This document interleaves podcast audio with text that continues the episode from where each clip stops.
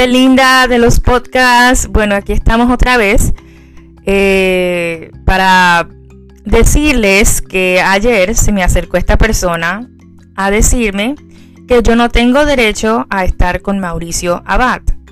Porque yo desde hace tiempo pues he querido compartir con él, conocerlo más como persona, no solamente como actor, pero como persona. Y lamentablemente los comentarios negativos estaban literalmente al pie de la letra. Y eso se los puedo decir a ustedes porque fue algo que de verdad me decepcionó demasiado. El saber que personas como estas vienen y me mandan mensajes a mis redes sociales para decirme semejante comentario fuera de lugar. Yo llevo aproximadamente, les puedo decir que tres años tratando de hacer esto posible. Y yo le había dicho a esta persona mucho antes de que empezara la pandemia. Yo le dije a esta persona, vamos a hacer esto. Yo todavía, obviamente, no tengo el pasaporte para poder viajar a México, pero lo podemos planear desde ahora. Pero esta persona me vino con el comentario de que como Mauricio es una persona conocida, pues yo no puedo, como quien dice, compartir con él fuera de las redes sociales.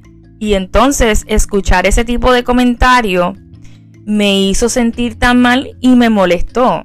Por eso mismo es que yo digo que la gente negativa, los haters, dicen cosas fuera de lugar todo el tiempo. Y entonces, cuando yo veo ese comentario, yo misma me, pongo a pensar y yo misma me pregunto por dentro. Pero es que Mauricio no dijo eso. Eso no fue lo que dijo Mauricio. Mauricio nunca diría una cosa así.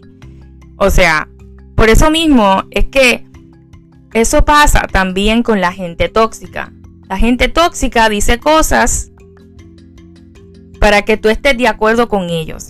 Pero eso no es así. O sea, eso no es así. Lamentablemente.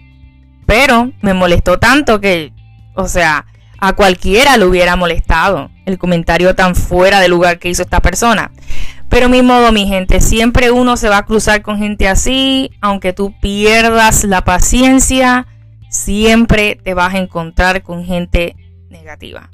Lamentablemente son cosas que suceden, este no es nada nuevo, lamentablemente. Y pues, o sea, son cosas que a uno le molesta, te llena de coraje, pero ¿qué se puede hacer al respecto? ¿Verdad?